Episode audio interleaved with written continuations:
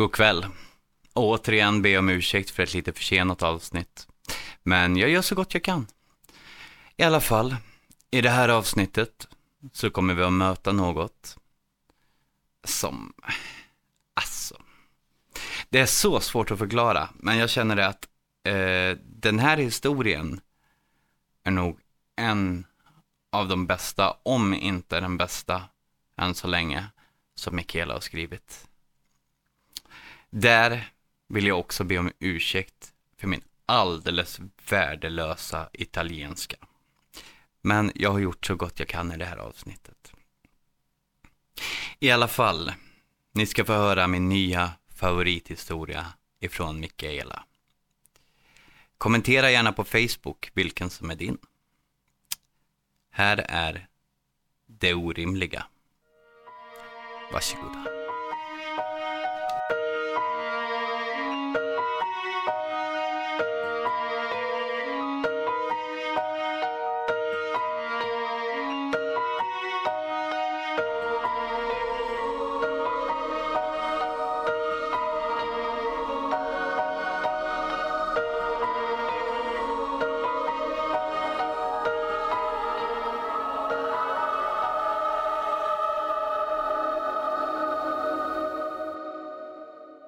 Om man kör genom Ryssaby, fortsätter att följa riksvägen någon kilometer och sedan tar av till vänster in på den gamla krokiga landsvägen kommer man så småningom till en korsväg.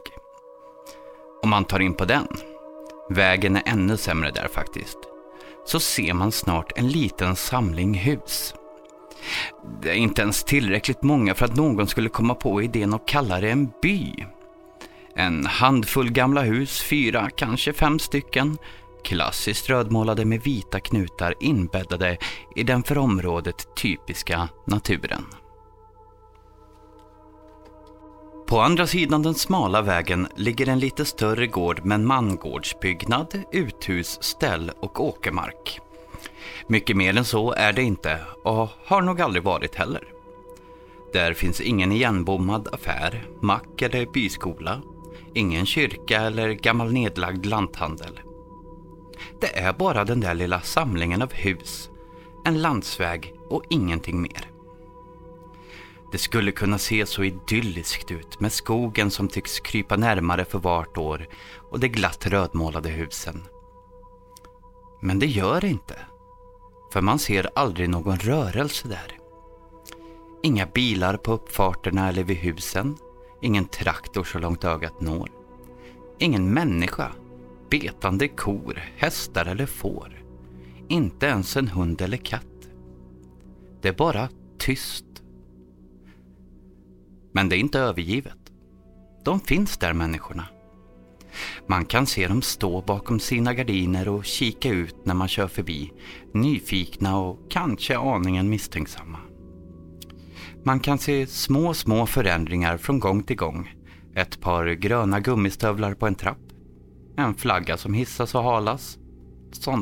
Sådana saker. Åker man förbi när det är mörkt lyser det i husen.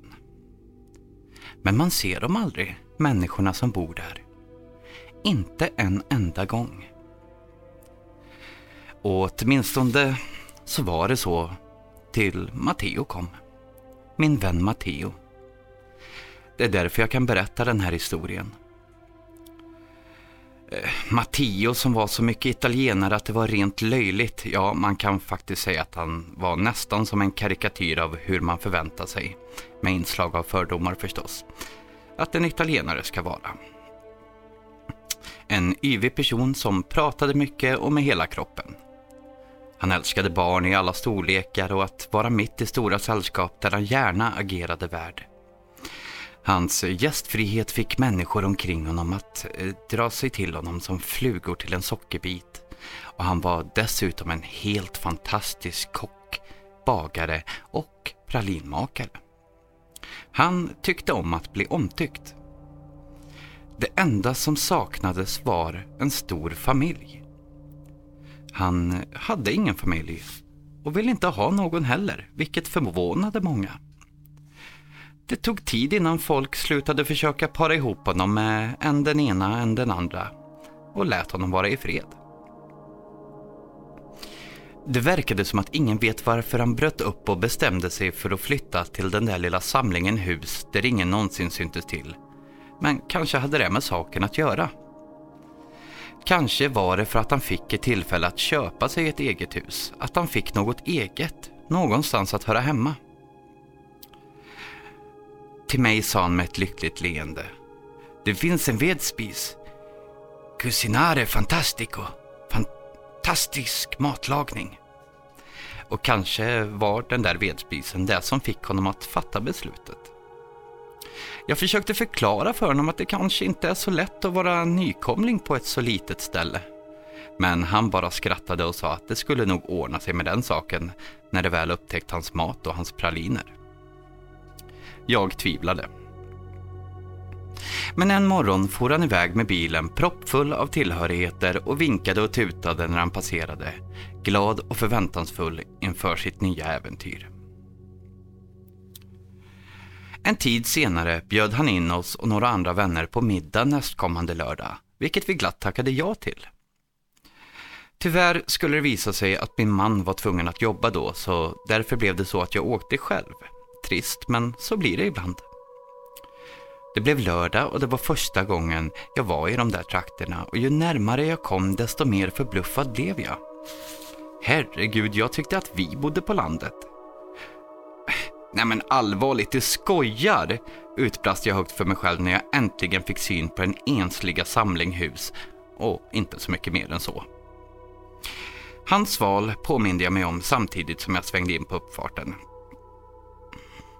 Jag hann inte ens stänga av motorn innan han kom flygande ut ur huset. Ciao amico, hojtade han glatt.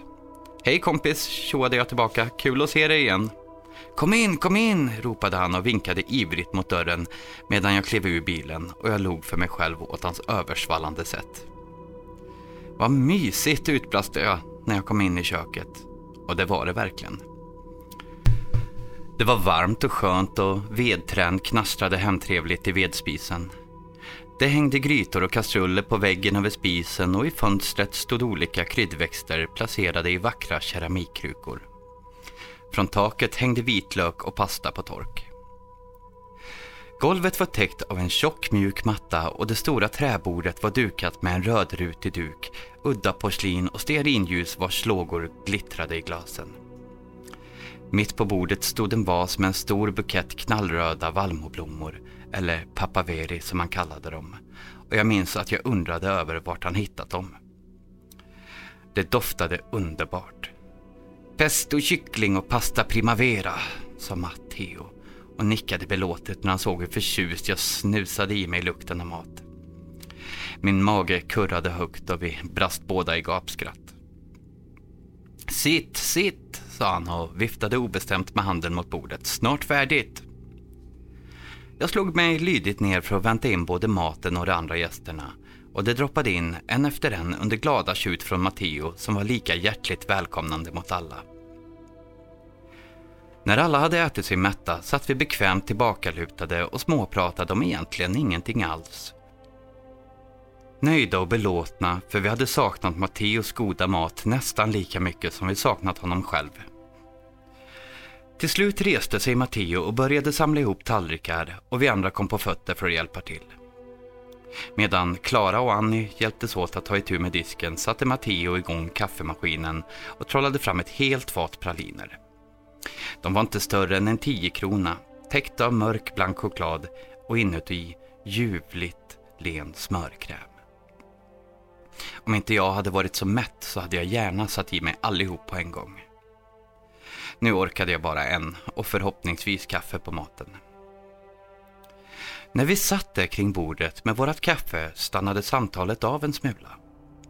Jag vet inte riktigt varför, men då antog jag att vi alla var så mätta och nöjda att ingen liksom riktigt orkade. Till slut blev det tyst och någonting i stämningen blev plötsligt besvärande. Jag sneglade på Matteo som satt bakåtlutad och hade sträckt ut benen framför sig. Han hade en liten, liten rynka i pannan som jag aldrig hade sett där förut. Och i skenet från stearinljus fick det honom att se äldre ut än vad han egentligen var. Jag ville inte fråga. Vi hade inte den sortens vänskap som gjorde det möjligt att fråga om allt var som det skulle utan att han skulle känna sig obekväm. Men Klara hyste inga betänkligheter. Vad är det Matteo? frågade hon rätt fram. Varför ser du ut så där? Matteo satte sig ordentligt på stolen och rynkan slätades ut. Det är ingenting, Amico, sa han. Ingenting alls. Hur länge har du bott här nu? Hur är grannarna? fortsatte Klara som uppenbarligen fått nog av tystnaden och inte ville låta samtalet ut igen. Nästan två månader och grannen i stora huset heter Söderberg, svarade Matteo. Jaha, hur är den där Söderberg då? Har du bjudit honom på maten? Eller dina goda praliner? Jag har inte träffat honom än. Han lät som vanligt när han sa det, men han såg inte ut som vanligt. Jag har inte träffat någon av dem, inte sett till dem alls, tillade han och nu lät han ganska dyster. Va? sa Klara. Har du bott här i två månader och inte sett någon av dem? Ingen alls? Matteo nickade bara till svar. Har du inte sett en annan människa på två månader? envisades Klara som inte kunde tro sina öron. Han skakade på huvudet. Men herregud, sa Klara misstroget. Ja, det kunde man ju säga tänkte jag och tyckte synd om Matteo. Jag kunde inte ens föreställa mig hur det skulle kännas för en person som var så social som han. Två månader var en lång tid. Var fanns det människor som bodde i de andra husen? Eller det kanske var sommarhus. Det kanske stod tomma nu. Fråga inte, sa Matteo med en suck. Jag vet inte vad som är fel. Jag har varit och knackat på för att presentera mig, ni vet. Men ingen öppnade i någon av husen. Och Söderman ställde ju en korg bröd på trappan som jag hade tänkt ge bort. Jag vet att de är där för nästa dag stod kor korgen tom utanför min dörr när jag kom hem från en promenad i skogen. Lamporna lyser på kvällarna så jag ser svarta silhuetter röra sig där inne i motljuset. Ibland har jag sett dem stå och kika ut bakom gardinerna. Men det går aldrig ut. Åtminstone inte när jag ser. Och det öppnar aldrig sina dörrar. De kanske är rädda, föreslog jag som suttit tyst länge och ådrog mig församlingens häpna blickar. Rädda? Tja, ni vet en del människor är rädda för det de inte känner till. För sådant som är nytt och okänt för dem. Kanske särskilt ute på landsbygden där folk säkert känt varandra i sju generationer. Det var inget som förklarade saken, men det var åtminstone sant tänkte jag när jag mötte Klaras tvivlande blick och ryckte lätt på axlarna. Bjud in dem på middag, sa Klara resolut. Lägg en lapp i deras brevlådor och bjud dem på middag. Det finns inte en nu levande människa som kan motstå din mat, Matteo. Du ska se att det ordnar sig om du gör det. Matteo skrattade högt och hjärtligt och lovade att fundera på saken. Det gick en tid. Vi hörde inte mycket från Matteo, men hade å andra sidan inte räknat med det heller. Det var ingenting ovanligt med det. Om vi alls tänkte på det så antog vi nog att allt var okej, okay, att det hade ordnat sig. Annars hade han väl hört av sig. Men så kom det där mötet jag var tvungen att gå på. Mötet som låg på en plats i närheten av Matteo och jag tänkte att jag kunde ta svängen förbi, titta in och säga hej bara och se hur han hade det. Jag ringde för att förvarna om mitt besök. Han var kortfattad och lät stressad när jag väl fick tag i honom, men jag var välkommen. Mötet drog ut på tiden och det började redan skymma när jag svängde upp på Matteos uppfart och stannade bilen. Den här gången kom ingen Matteo utstudsande genom dörren som en lycklig hund för att hälsa. Det såg mörkt ut i huset. Inga lampor var tända, vilket fick det att se ut som att ingen var hemma. Jag såg mig omkring. Kanske fanns han någonstans i närheten. Men jag såg inget. Inte en rörelse någonstans och allt var tyst och det var mörkt, även i de andra husen. Tveksamt gick jag fram till dörren. Hade han tagit fel på dag? Hade jag sagt fel dag? Han verkade ju inte vara hemma. Kanske något missförstånd. Eller kanske hade något hänt i sista minuten. Jag försöker i alla fall, tänkte jag och knackade på dörren jag var så säker på att han inte skulle vara hemma att jag blev förvånad när jag genast hörde en välbekant röst inifrån huset. Si, kom in, kom in. Det kändes konstigt och så olikt honom, men jag klev in. Och klev rakt in i en smärre chock. Matteo satt i köket, men det var inte alls samma mysiga kök som sist jag var där. Det var disk och rester av måltider på varenda ledig yta. På arbetsbänken låg tunn choklad utbredd. Den hade en gråaktig yta och hans palettkniv hade stelnat fast på ena kanten. Det där hade legat där länge, insåg jag. Köksbordet var fullt av allt möjligt bråte. Gammal post, tidningar, böcker och brödpåsar. Samma bukett papaveri som sist jag var där. Fast nu döda sedan länge. Hängde som det lik det var över kanten på vasen det stod i och en av dem doppade sina nästan svarta blad i en halvfull mugg av något obestämbart som inte direkt luktade hallontårta. Det fanns inte längre några kryddväxter i fönstren och över stolsryggarna hängde kläder som nog hade behövt tvättas för ett bra tag sedan. Längst in vid fönstret satt Matteo och jag kände knappt igen honom. Han slokade. Det är det enda sättet att beskriva honom på. Han slokade. Hela han. Han var grå i ansiktet och hade mörka ringar under ögonen som om han inte hade sovit på flera dagar. Han satt ihopsjunken och hängde med huvudet som om han höll på att somna och såg ut att inte ha bytt kläder på en vecka för det var skrynkliga och fläckade. Håret stod åt alla håll och kanter och blicken flackade när han med darrande hand gjorde en gest mot kaffemaskinen. Miss scusi, Mikaela. Nej, inget att be om ursäkt för. Jag fixar kaffet, sa jag genast och började flytta omkring saker för att överhuvudtaget komma åt att ladda maskinen med vatten och kaffepulver. När det var gjort fortsatte jag att plocka, försökte få någon slags ordning i kaoset som en gång var ett mysigt kök. Skrapade loss smält choklad, travade disk, fyllde soppåsen med skräp.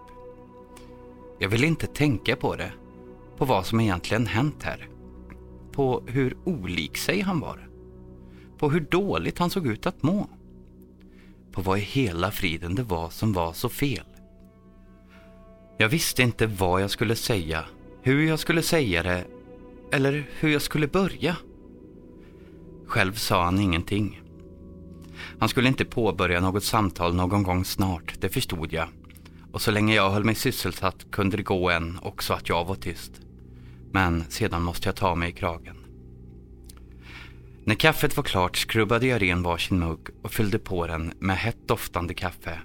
Och först nu märkte jag hur mörkt det började bli. Så jag sträckte ut handen för att tända taklampan. Nej! kom det genast från Matteo. Ljusen! Eh, så jag bar fram muggarna till bordet och röjde med armbågen en liten ruta från bråte, precis lagom för att det skulle få plats. Medan jag flyttade några strumpor och en hopknölad tröja från stolen bredvid honom för att ha någonstans att sitta, så såg jag honom fumla med tändsticksasken och med darrande hand tända några ljus. Så satt vi där, sida vid sida och värmde händerna på de varma muggarna och smuttade försiktigt på den heta drycken. Vad är det som har hänt Matteo? Frågade jag till slut lågt när jag inte längre stod ut med tystnaden. Han nickade. Svalde och nickade igen.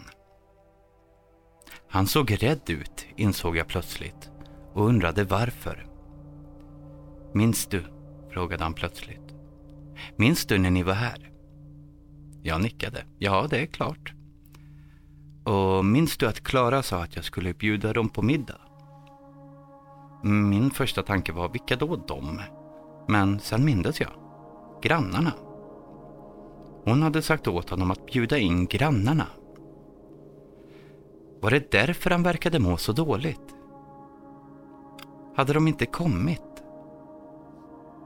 Jag nickade igen. Gjorde du det? Bjöd du in dem? Nu var det hans tur att nicka. Ja, det gjorde jag. Men det kom inte. Han gjorde bara en kort liten paus, men jag hann ändå tänka att jag inte riktigt visste vad jag skulle säga till någon som blir så förtvivlad över en sådan sak att han blir så totalt förändrad. De kom inte då, men nu gör de det. Nu kommer de varenda kväll och jag står inte ut med det. Vad menar du Matteo? frågade jag uppriktigt förvirrad. Jag förstod inte vad det var han försökte säga. De kom inte på middag, men de kom senare. Så fort jag tände lampan så kom de. Men de kommer inte in. No, no. De står utanför fönstret med näsan tryckt mot rutan och tittar in på mig. De står i alla fönster. Så fort jag tänder lamporna så står de där. Stirrar, blänger, glor på mig utan att blinka. Jag ser dem inte på dagarna. Men så fort det börjar skymma så ser jag dem och de bryr sig inte om det. Så fort jag tänder en lampa så kommer de och sedan står de där timme efter timme tills det blir ljust igen. Först tänkte jag inte bry mig om det. Jag tänkte fortfarande att de var riktiga då. Jag tror, jag tror att de kom för att jag bjöd in dem. Jag tror att jag absolut inte ska släppa in dem. Men det är mycket svårt och jag är så rädd. Rädd att de ska komma in ändå. För jag bjöd ju in dem där första gången och, och jag ångrar det nu. Jag försökte vinna tid igen. Försökte tänka. Jag fyllde på våra kaffekoppar och tänkte på det han sagt. Hade han drabbats av någon sorts sammanbrott? Hade han varit för ensam här, för utstött av grannarna? Inbillade han sig det här för att han var ensam? Du, du mår nog inte så bra Matteo, sa jag försiktigt när jag ställde ner varsin ny kopp på bordet och satte mig igen.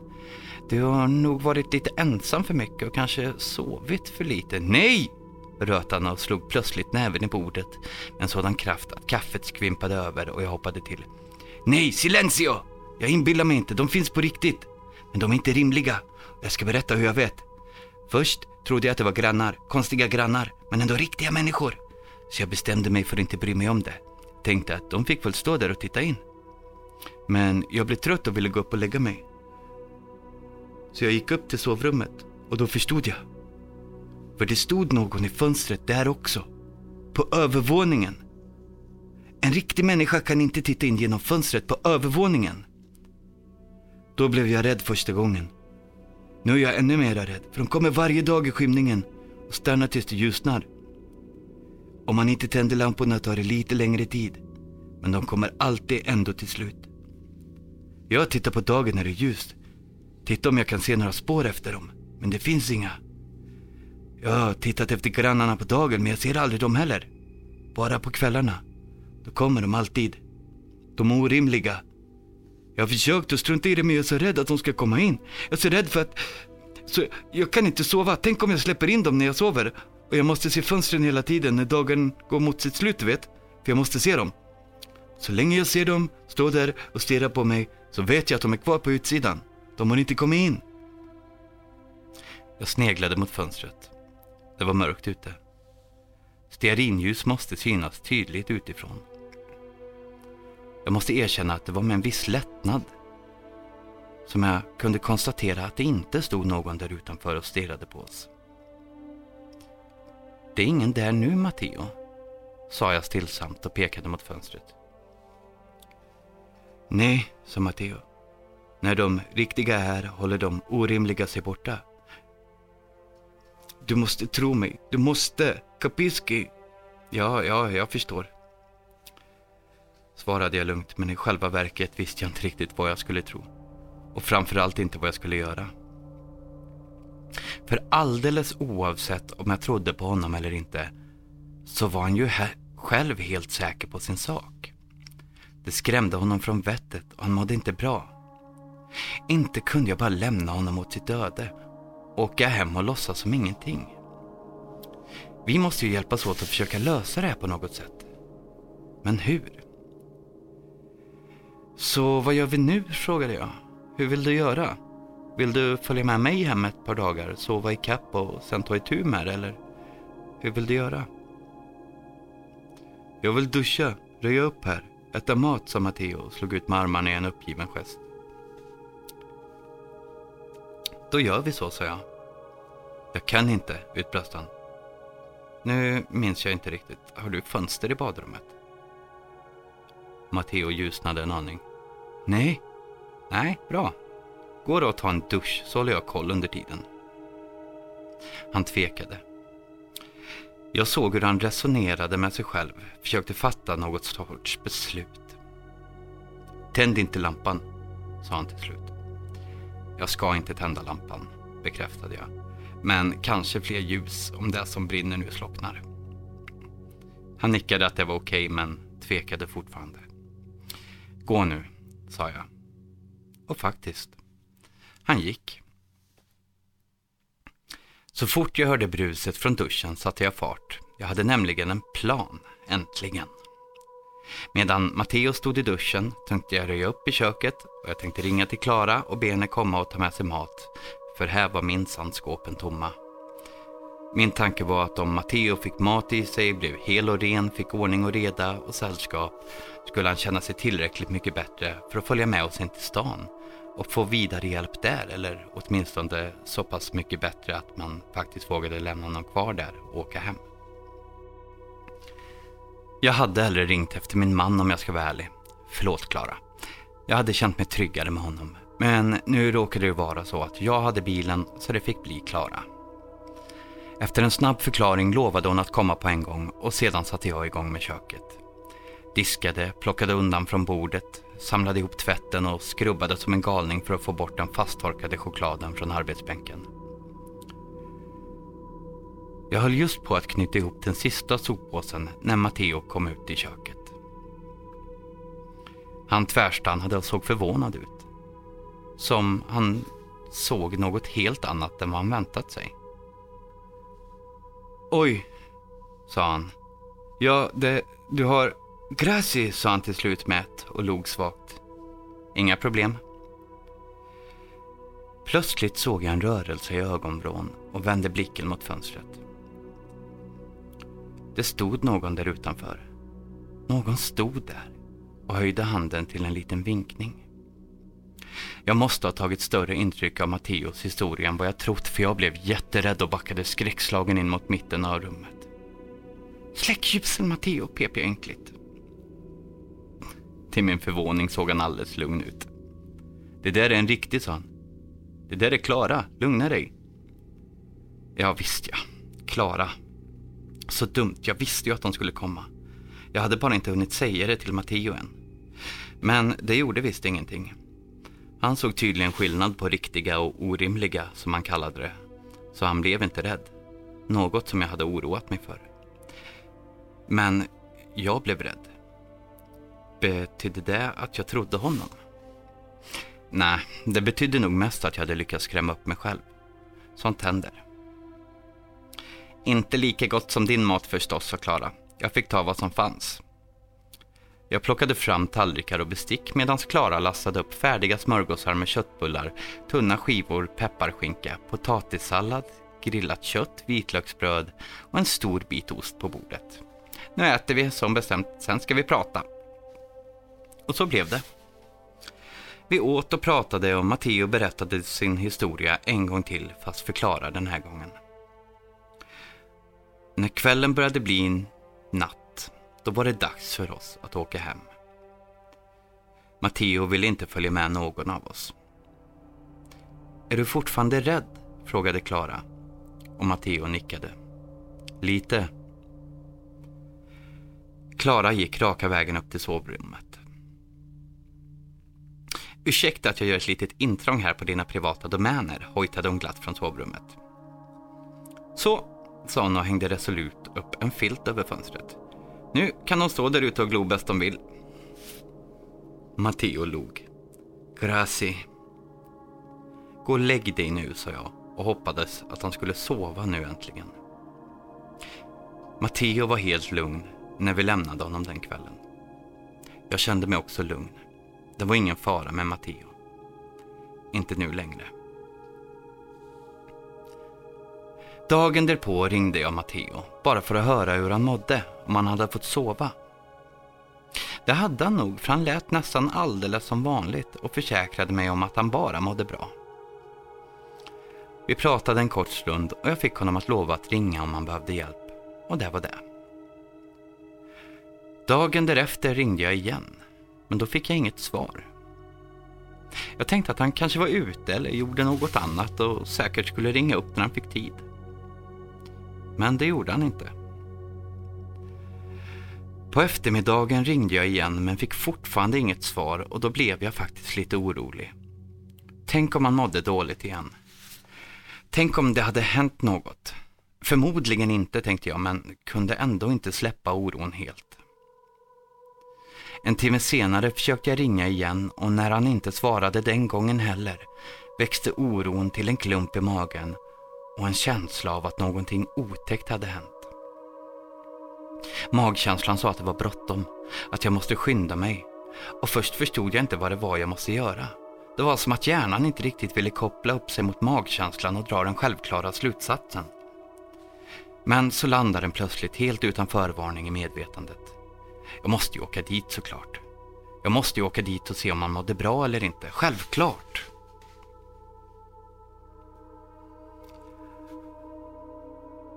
När jag sent på eftermiddagen svängde in på hans uppfart såg jag att ytterdörren stod öppen. Det borde ha lugnat mig, han var ju säkert alldeles i närheten då. Istället formligen vrålade min magkänsla att något var fel. Jättefel. Jag ville bara vända och åka hem igen men istället tvingade jag mig att gå fram till dörren, knacka och ropa på honom. Matteo! Hallå! Inget svar. Jag stirrade in i husets tomma mage och försökte igen. Matteo, är du där? Fortfarande inget svar. Tveksamt tog jag ett steg in i hallen och stängde dörren efter mig. Sedan tog jag ett steg till. Ropade, lyssnade, väntade. Ingenting. Jag rös till.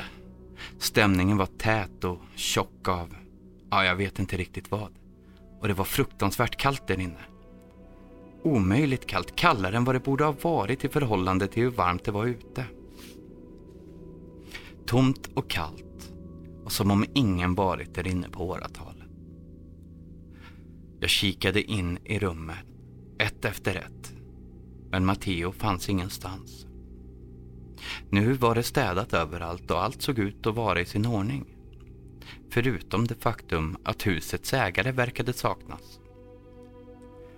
Jag stålsatte mig och tassade försiktigt upp på övervåningen för att se om han var där. Han kanske låg och sov och i så fall ville jag varken väcka eller skrämma honom. Men det var tomt där också. Sängen var prydligt bäddad. Filten för fönstret som Klara satte upp var borta och fönstret stod på vid gavel. Korsdrag. Inte konstigt att det kändes så kallt i huset tänkte jag och tog mig friheten att stänga innan jag gick ner. Solens sista trögflytande strålar föll ner genom köksfönstret där jag hade hamnat och bildade en pöl av ljus sirap på köksbordet och någonstans hörde jag en klocka ticka. Det fanns bara en enda sak på köksbordet nu. Och hade det inte varit för den där solpölen hade jag nog inte ens tänkt på det. Ett alldeles vanligt papper låg där. Och något stod skrivet på det. Skulle jag titta? Det kanske var privat. Å andra sidan kanske det var ett meddelande. Eller en förklaring. Det såg inte ut att vara många rader. Det kanske var en inköpslista. Skuldmedveten smög jag mig närmare och skärpte blicken för att se vad det stod och frös omedelbart till is när jag väl såg det. Med små spretiga bokstäver tätt, tätt sammanpressade i rad efter rad. Orimligt, orimligt, orimligt, orimligt, orimligt, orimligt. Jag kunde inte tänka. Jag bara stod där och stirrade på pappret tills bokstäverna flöt ihop i en enda gröt.